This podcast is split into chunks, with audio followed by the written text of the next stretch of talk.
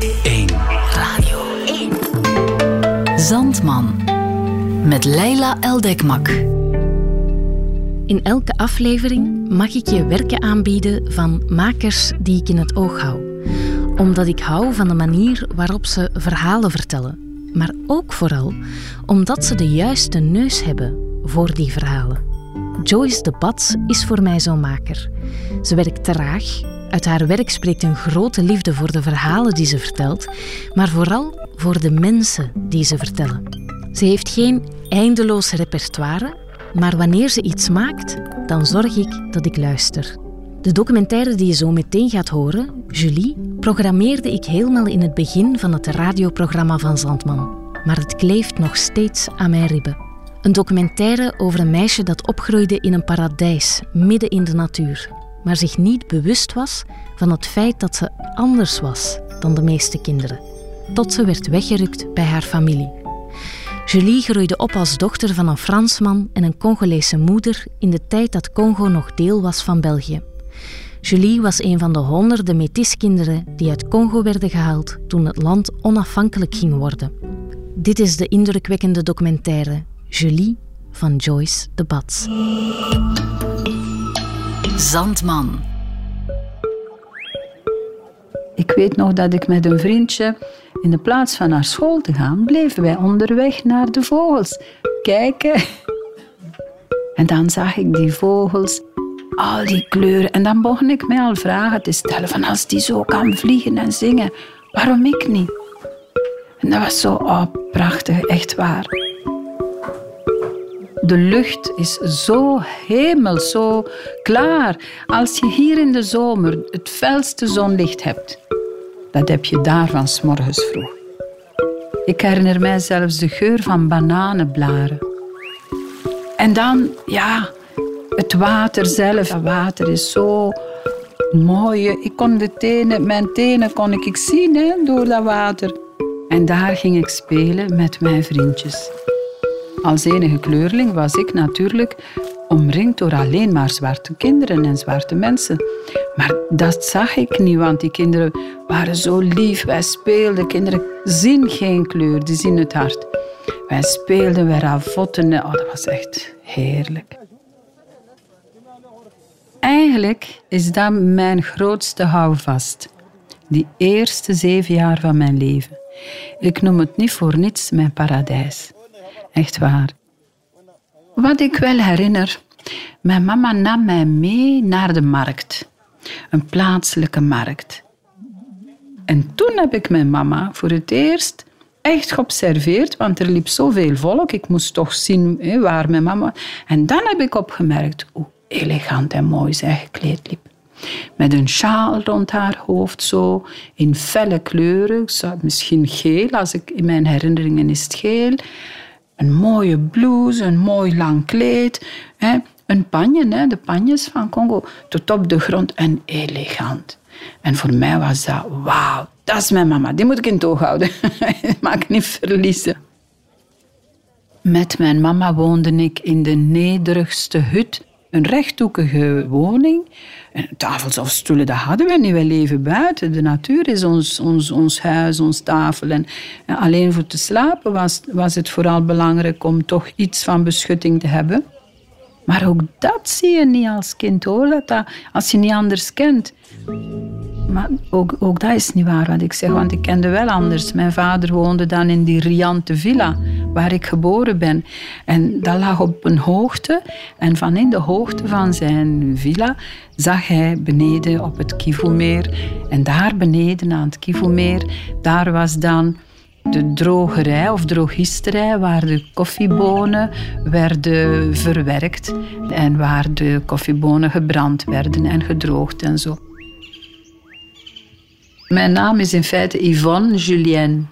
En het is mijn papa die mij Yvonne Julienne heeft genoemd. Dus een echt Franse naam. Enfin, in Congo zijn ze de meeste Frans. Hè. Mijn vader, dat was een koloniaal, maar een Fransman.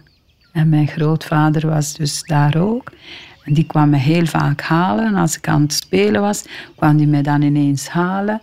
Die wenkte mij met natte kleren of geen natte kleren, mocht ik in zijn prachtige auto, leder. De chauffeur, een zwarte chauffeur, deed de deur voor mij open. Dan stapte ik in en mijn grootvader die had een hele speciale geur. Oh, ik herinner mij dat zo goed. Die had een geur, een, een heel aparte.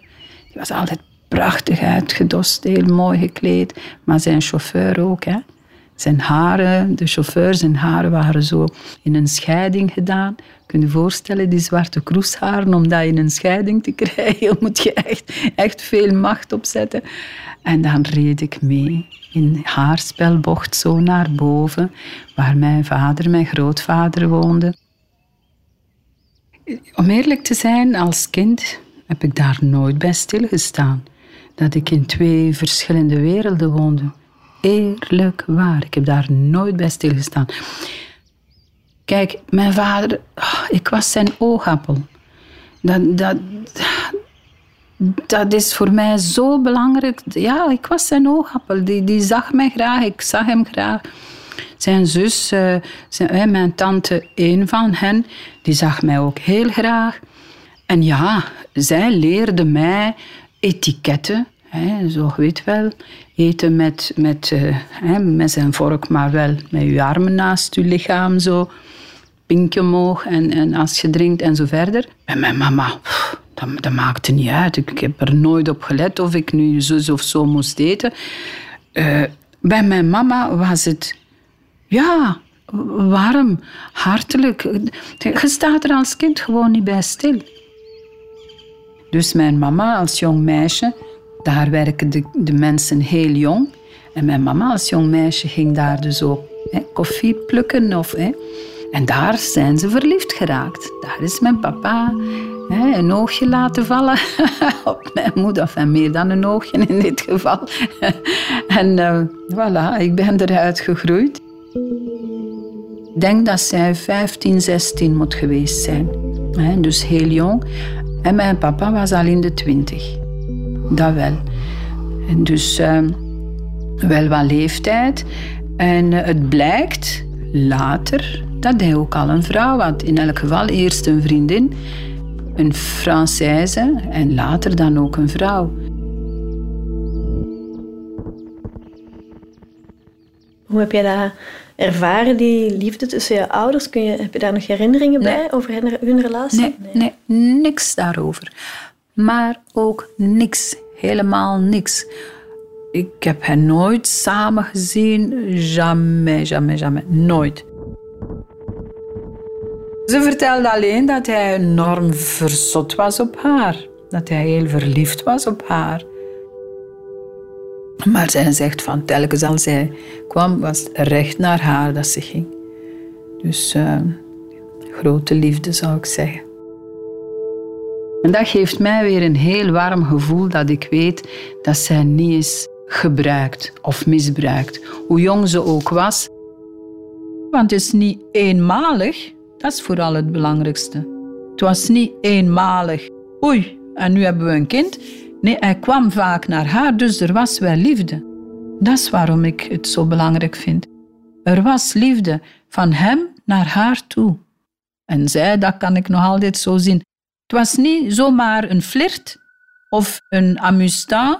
Het was werkelijk uit liefde. Op een bepaald moment, dan zijn we al in 19 6, 7, 58. Ik ben van 51. Op een bepaald moment is mijn vader uit mijn leven verdwenen. En dat was wel een, een enorm, ja, dat was heel pijnlijk voor mij. Want ik zeg ik was zijn oogappel en ik miste die enorm. Ik miste die, maar die was plots uit mijn leven verdwenen. Combattant de l'indépendance, aujourd'hui victorieux. En later, dan weet je, ja, de onafhankelijkheid was op komst. Congo stond op eigen benen tot grote vreugde van zijn 14 miljoen inwoners, die echter spoedig daarop al moesten kennismaken met de kinderziekte van veel jonge staten. Binnen enkele dagen kwam het op verschillende plaatsen tot ongeregeldheden. Dus die heeft eigenlijk zich uit de voeten gemaakt en misschien niet meer durven terugkomen naar de Kivu. Voilà, en ik zag hem niet meer.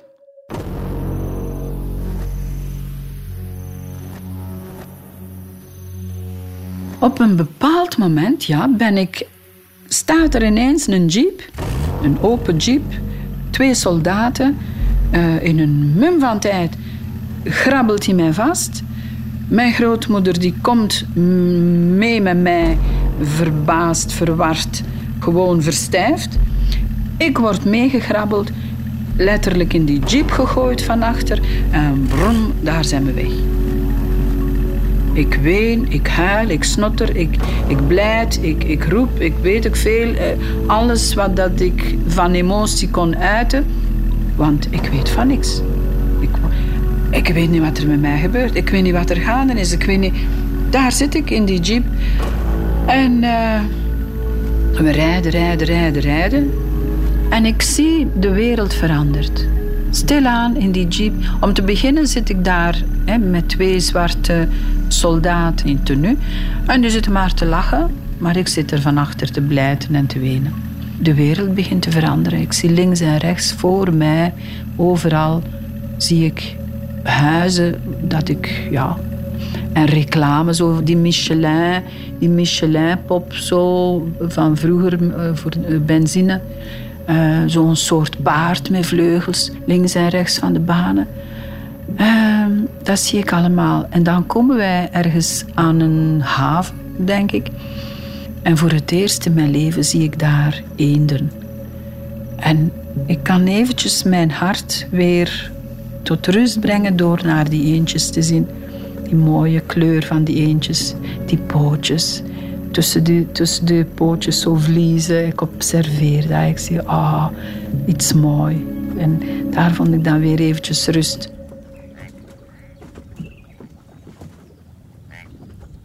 En dan weer de auto in, die jeep in. We rijden, rijden, rijden en blijven rijden. En ik word gedropt, letterlijk gedropt, in een huis, een groot instituut, een weeshuis noem ik dat. En daar zie ik een hele reeks andere metis kinderen. Ik wist niet wat ik zag. En daar heb ik in dat weeshuis heb ik twee jaar gebleven. Twee jaar in Rwanda, Savi. Ik ben daar toegekomen als ik zeven jaar was. Ja, tussen een groot, een massa andere hoopjes verdriet. Hè. weet je zo, hè. Van waar komt het eigenlijk, dat woord metis? Ja, dat noemen ze zo, hè. metissen uit een gemengde relatie. Hè. Metis is vooral wanneer je blank en zwart mengt.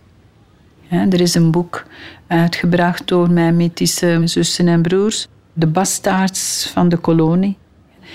En ehm, daar zijn dus massaal veel kinderen opgevangen.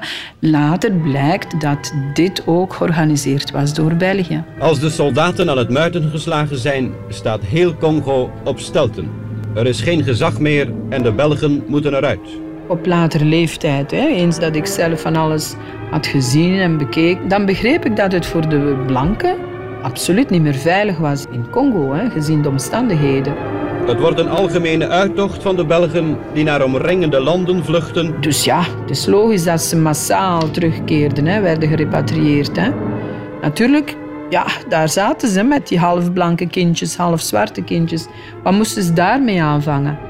Ja, kom, we gaan ze redden. Hè. We moeten die kinderen redden uit... Hè, want we kunnen die niet houden hier. We moeten ze redden uit de neger-situatie, alsjeblieft. We mogen ze niet aan hun lot overlaten als wilde laten opgroeien. Wisten jouw moeder en je grootmoeder dan dat er zoiets had aan te komen? Om eerlijk te zijn, ik denk niet dat zij zelf wisten wat er ging gebeuren. Ik denk het niet. In het weeshuis zelf, ik weet dat er mama's hun kinderen kwamen bezoeken. En soms zag ik mama's die zakken vol snoep bij hadden. En dan, soms was ik boos van, waar blijft mijn mama? Soms was ik vol begrip van, ja, hoe zou ze me vinden? Ik heb zelf zo ver moeten rijden en ik weet niet waar. Maar vaak was ik boos, want je wilt, je mama moet het oplossen. Hè? dus dat zag ik allemaal wel gebeuren. En wij leerden uh, Belgische liedjes. Hè?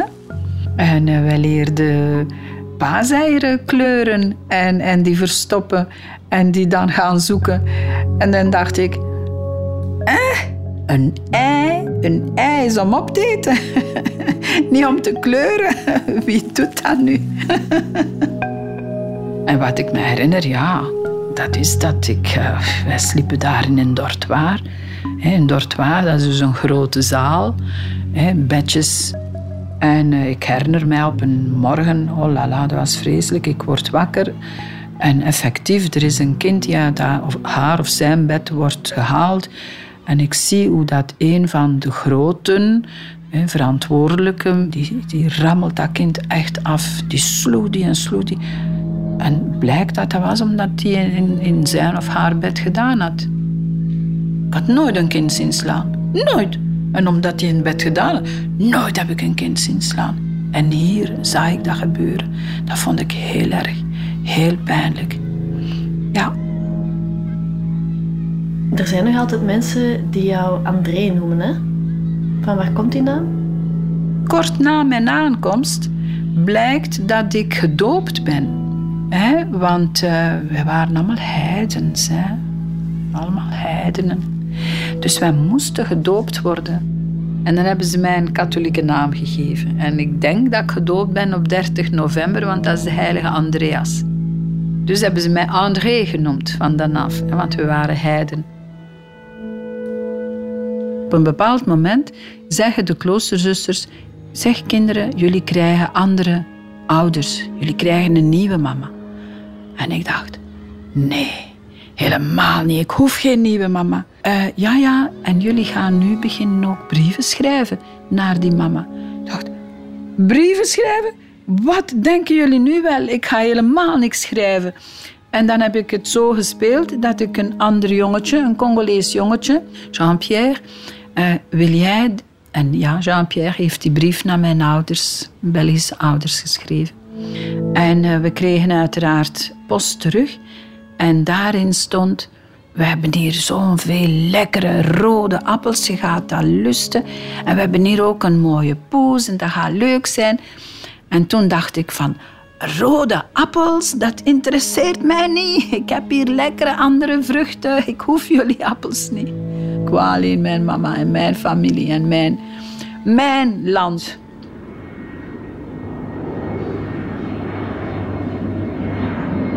2 december 1960. Een leuker moment kon het niet. Het was putje winter. Landde ik daar ineens in een ijskoude marmeren hol. Dus kouder kon niet. Komt er een pater uh, van de bruine paters pakt mij bij de hand, aan de andere kant die andere jongen bij de hand. En zo stappen wij door die hol. Hè, en die zet ons letterlijk af bij die nieuwe mama. Mocht ik in een beige-grijs, uh, beigeachtig kevertje van achter in de auto mee wegrijden. En voilà, ben nog een keer ontvoerd. Zo kwam dat voor mij over. Hè? Dus niet alleen de ontvoering bij mijn eigen mama, uiteindelijk de ontvoering van Rwanda naar. En dan nu nog een keer in het kevertje met mijn Belgische ouders richting mijn nieuwe thuis. Ik ben binnengekomen in het huis en ik heb onmiddellijk mama en papa gezegd. Ja, er zat niks anders op. Mama en papa. Tja, ik was toen al negen en half. Ik wist heel goed dat ik daar de rest van mijn leven ging zitten. Hm? Dus het was gewoon die klik maken om mezelf te beschermen, wetende van ja, ze verwachten het van mij. Vroeg of laat ging het toch, dus van als ik daar binnenkwam, heb ik gezegd: Oké, er is geen terugweg. Dus dan maar aanpassen. Hè? Ja. Hoe waren die eerste dagen in België? Ik kom daar pas aan met mijn koffertje en de witte zusters van Afrika, die waren zo vriendelijk geweest om in dat koffertje ook een cadeautje mee te geven. Een mooie, lekkere mango. 1960, hè? Mango's zijn nog niet bekend. Hè? Er zijn nog amper tropische vruchten bekend. Dus ik heb daar een heerlijke mango. Ik ken het, hè? ik weet wat het is. En weet je wat haar reactie was? Bah, dat is precies petrol. Dan moest ik, ja, een kind moet gaan slapen. Maar het waren zo'n stijf gestreken lakens, want vroeger moest dat gesteven zijn. Zo stijf dat bijna kraakte. Hetzelfde met mijn hoofdkussen. Alles zo stijf. En daar moest ik mij dan knus in voelen. Het huis, we hadden dan parket. Uh, dat blonk, want onze werkvrouw die moest daar met een apparaat echt boenen. Eerder iets dat ze in een museum doen. Dus je kunt je voorstellen, dat was... André, niet lopen, hè? Niet lopen. Oké, als je niet mocht lopen, dan je handen... Doe de handen eraf. Want dat was overal marmer. Dus ik mocht mijn handen daar ook aan... Allee, uw handen daar niet, want dat was dan een acajou-kast. Acajou, mooi behandelde kast. Prachtige kast. Aan de deur, uw handen aan de klink. Dat je op den duur zou gezegd hebben, waar mag ik nog staan? Wij woonden op nummer 103 in een hele lange straat. Dus naar school betekende dat ik aan de hand van mijn mama heel die lange straat door moest en dan nog een stuk, een heel een andere lange straat, voor ik aan school aankwam. Nu, de mensen in ons dorp, die wisten dat madame Leonore een kind had geadopteerd, een zwartje had in huis gehad. Dus die mensen die kwamen buiten staan op het uur dat ik naar school moest. En die stonden letterlijk buiten en mijn mama, trots en fier als ze was op mij, die zei, en vriendelijk lachen hoor, dat was een hel. Echt waar. En ik herinner me, ik ga op de schoot van mama zitten en ik zat precies op, op een stuk vlees. Die legde haar armen niet rond mij. Die zei niet van, ah, niks. Gewoon een homp vlees. Je verwacht als kind toch wel een soort van omarming of, of dat ging niet. Die was dan niet gewoon.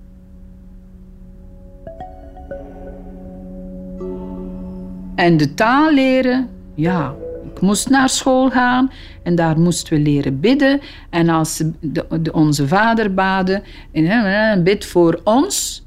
Ik kende alleen maar bid voor Fons, die bij mij thuis woonde. Juffrouw had gezegd, ja, maar doe gewoon maar mee, doe maar mee. Oké, okay, bid voor Fons. Omdat Fons in ons huis woonde, bid voor Fons. ja, dus ja, ik heb leuke herinneringen ook, hè. je ziet het. hmm. En vertel eens iets over Fons. Die relatie met uh, mijn vader, ja, dat was niks. Hè. Dat was meer elke dag een trauma van... Uh, kijkt hij naar mij? Uh, loert hij naar mij? komt hij thuis? zo, zulke zaken. Ehm, komt hij naar boven? Was hier amper een paar maanden. en die kwam naar mijn, naar mijn bed. Kwam naar mijn bed. En die wilde dat ik hem... Dat ik hem oh, ik ga eigenlijk niet graag in detail als dat op de radio komt. Maar eigenlijk ben ik iemand die met hoop ben opgegroeid. Hoop. Want kijk, als ik ontvoerd ben.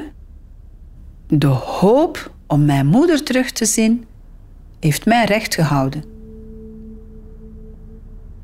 Het liedje dat ik me herinner, ik heb dat echt blijven koesteren, want dat is het liedje dat mijn mama mij geleerd heeft. En dat heb ik ook voor mezelf dan gezongen. Mama mutoto, efanya toilette, ayolele, ayolele. Maar dat is een mooi kinderstemtje. Hè? En af en toe zong ik dat voor mezelf. Dat is een beetje troost eigenlijk. Hè?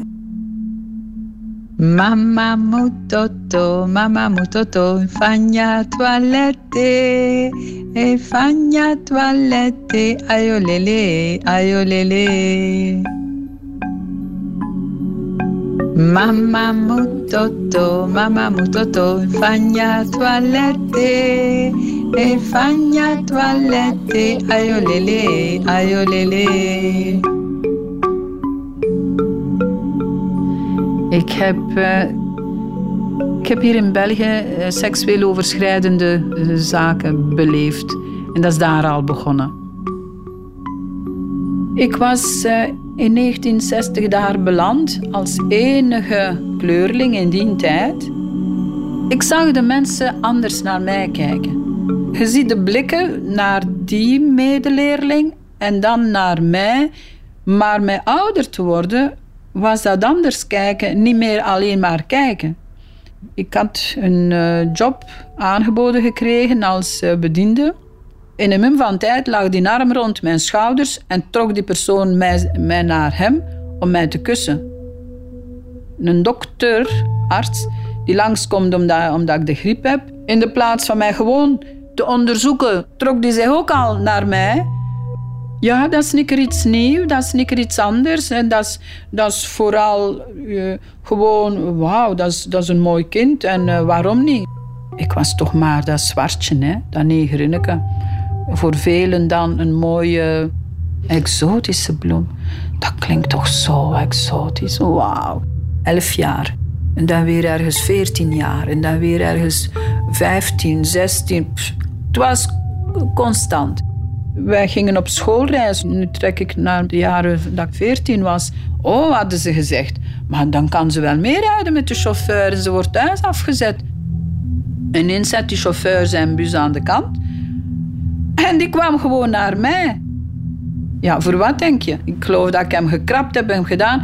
En ik geloof, heeft hij nu die deuren terug toe open gedaan? Ik weet het niet meer. In elk geval, hij heeft uh, zijn kans niet kunnen grijpen, maar ik heb mij wel kunnen verweren.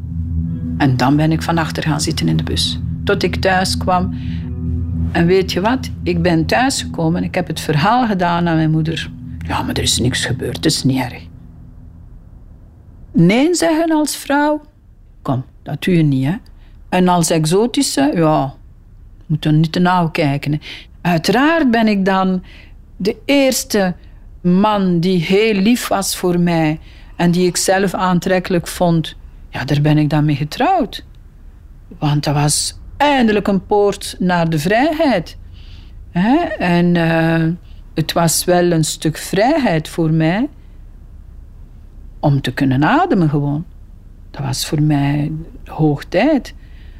Ik heb aan die man heel veel te danken. In die zin dat hij mij een stuk verzorgde, omdat ik een periode doormaakte van eilen. Ken je dat? Wat het is, eilen. Je loopt wel rond, maar je weet het niet, je beseft het niet. En die man, die waste mij, maar ik het mij niet. Die voedde mij, maar ik het mij niet. Ik stond op een morgen op en ik had dus op de academie een mooie zwart-wit uh, foto van mij. Ze hadden foto's van mij genomen, een mooi zwart-wit. Maar op een morgen ben ik wakker en die foto was helemaal kapot gekrast. Maar je zag dat dat met een mes was. Ik wist van niks. Voor hetzelfde geld dat ik mijn man zo toegetakeld. Het was alsof alles zweefde. Zo diep zat ik. In die jaren was ik amper, ik had nog geen kinderen, hè? dus ik was amper twintig, zoiets, ja. Ik ben dan uiteindelijk kort daarna gescheiden, want ik voelde van, dat is hier te eng voor mij, dat huwelijk. Die man hoe goed hij zijn best ook deed, de wereld bleef te krap voor mij om te kunnen leven. En dan kunnen ze zeggen, oh, ja, dat was zwaar. Ik heb het heel zwaar gehad. Maar ik heb die tijd wel gebruikt. En ik ben in therapie gegaan. En ik heb een traumatherapeut gezocht en gevonden. En dat was de beste beslissing dat ik kon nemen op dat moment. En uh, dat was nog maar een begin, hè. Het is dan dat ik de kerk heb leren kennen. En mijn leven is niet plots veranderd, maar ik zat nu in een sfeer waar ik een houvast had. Zie je? kijk, God is onze vader. Een vader die echt hoort, die echt om mij bekommerd is. Ik ben uh, in België beland omdat, omdat ja, de situatie was ginder niet goed. En eigenlijk heeft, heeft, is het zo gebeurd, dankzij God dan, dat ik hier in België ben beland. Anderen moesten daar blijven. Dat is het plan voor mijn leven. God heeft echt een plan voor elk van zijn kinderen. Hij is zo intelligent dat wij dat niet snappen. Niemand snapt dat. Maar hij weet haarfijn wat dat voor mij het beste is. Ik heb contact met de jaren. Hè. Dus nu, hij heeft mij naar België gestuurd. Allee, hij heeft dat niet, niet gedaan. Dankzij, hè, door mensen hè, ben ik dan hier verzeild. Maar eigenlijk wel in zijn handen gedragen. En mijn moeder vinden is geen toeval. Verre van. Er bestaat geen toeval in mijn leven. Maar omdat mijn diepste, pure, goede, zuivere, liefdevolle verlangen was om mijn mama terug te zien, heeft hij gemaakt dat dat ook gebeurd is. Dat is mijn mama. Als ik ze al ontdekt heb na 33 jaar, dan heb ik nadien die foto gekregen. Hier moet zijn, 60 zijn, in Goma. Dat is mijn mama. Je ziet, jullie hebben dezelfde neus en dezelfde mond. ja, eigenlijk lijken wel heel erg op haar. En het voorhoofd naar het schijnt, ja. Ik ontmoet mijn mama de allereerste keer. Zij begint daar voor mij te dansen met geluid. Mm. Allee, zo echt heel mooi dansen. Ik wou in haar armen vliegen. En we hebben dan uiteindelijk een stevige knuffel gegeven. En er vloeide één traan. Waar alle vreugde en pijn in zat. Eén traan. Ik heb haar mijn hand gegeven. Ik heb het niet meer gelost. En er kwam zoveel herkenning, die warmte in haar hand. En alles, alles werd ingevuld. En alle liefde was terug. Ja, houdt heel veel van je vader. Je spreekt met enorm veel liefde over. En sorry, ik vind dat heel pijnlijk om te vragen, maar hij heeft jou wel achtergelaten. Ik ben woedend geweest op mijn vader. Woedend. Want ik had vaak het gevoel van, als ik hier in België was dan, van ah, nu, nu gaat mijn papa komen. En, oh, zie je wel, ik ben 18, tegen mijn 18 jaar, dan komt hij, want dan ben ik meerderjarig. In Europa hoorde ik dat meerderjarigheid een belangrijke datum was. Ah, nu, maar ik zag die nooit. Hoorde ik een vliegtuig, dacht oh, mijn papa gaat komen. Zie je wel? Nooit. Uh, post, nooit. Dus ik begon te redeneren van, dat is een Europeaan. Hij zou mij gemakkelijk kunnen vinden. Mijn mama niet. Mijn mama moet niet meer boos zijn. Zij kan mij niet vinden. Maar hij is Europeaan. En wetende van mijn herinneringen van in Congo dat hij wel iemand was met gezag, dacht ik van, hij zou mij zo gemakkelijk kunnen vinden. Dus ik werd boos, ik werd woedend. Blijkt dat hij, enfin niet blijkt, dat wist ik, dat hij al een madame had. Hij had al een Française. En die Française, volgens mijn mama, die zou mij liever kopje kleiner gemaakt hebben, want dat was toch wel een, een, een, een schande van haar uh, monsieur. Ze noemden hem een baron, hè. Mijn vader noemde ze baron. Die nu ineens afkomt met een zwart kind. Hè. Dus je zou zeggen, hij heeft er zich gemakkelijk van afgemaakt. Ja, dat is mogelijk. Maar ik vandaag durf zeggen van, kijk, was het beter geweest dat hij mij had meegenomen? Bij zijn madame die mij een kopje kleiner wou maken? Nee. Echt niet. Echt niet. Als je leeft, moet leven bij iemand die je liever. Nee, sorry. Echt niet.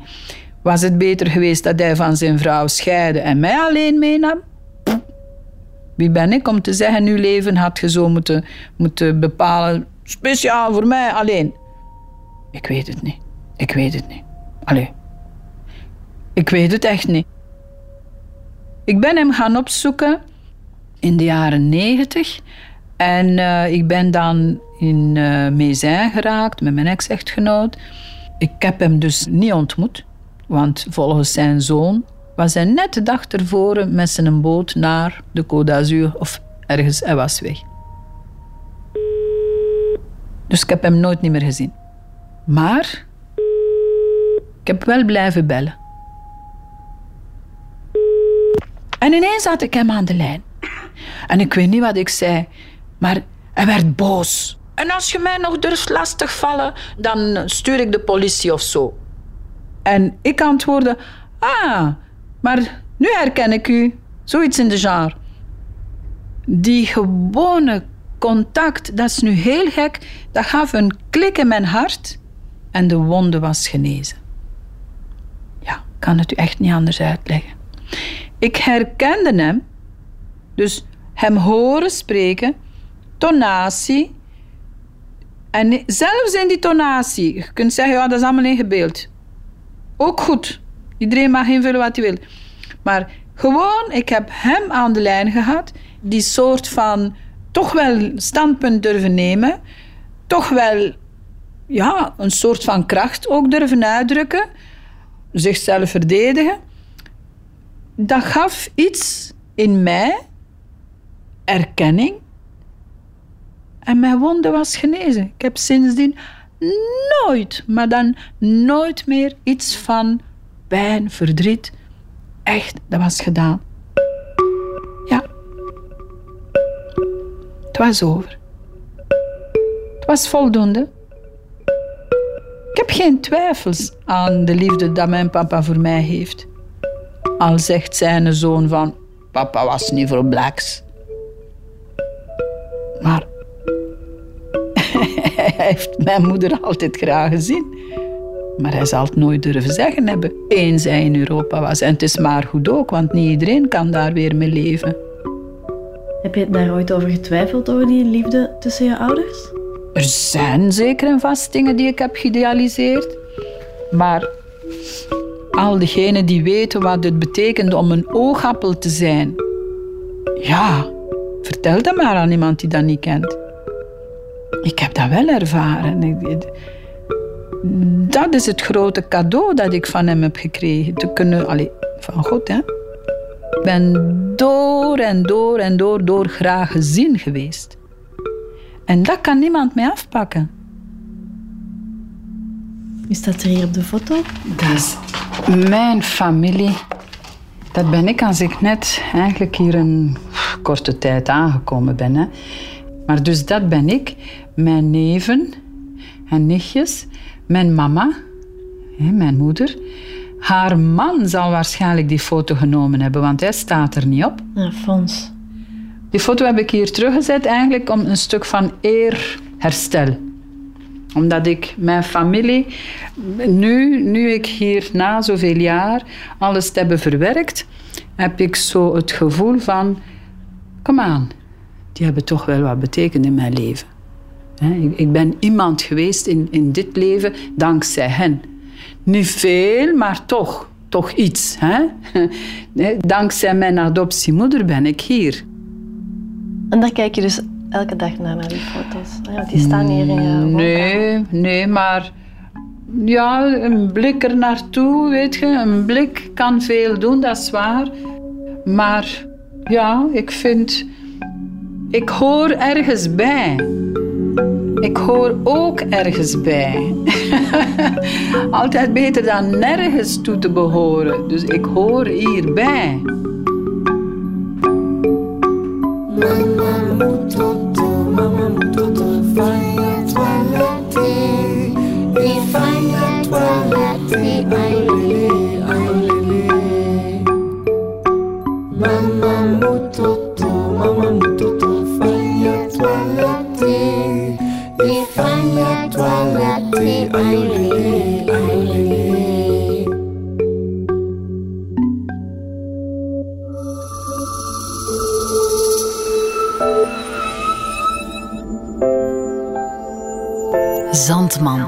De mooiste verhalen voor het slapen gaan.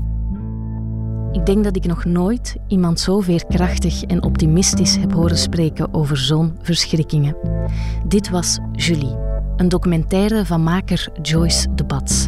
Techniek en sounddesign is van Wederik de Bakker, muziek is van Frederik de Klerk.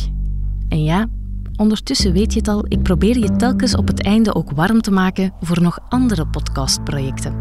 De liefde is groot. En voilà, binnenkort lanceert Radio 1 de reeks Twintigers. Cathy Lindekes, jongerenadviseur van de VRT, laat jongeren zelf aan het woord. Elke aflevering is een intiem portret. Twintigers vind je vanaf 28 september terug via je vertrouwde podcastkanalen. En ik zie je graag terug op dit kanaal bij de volgende Zandman.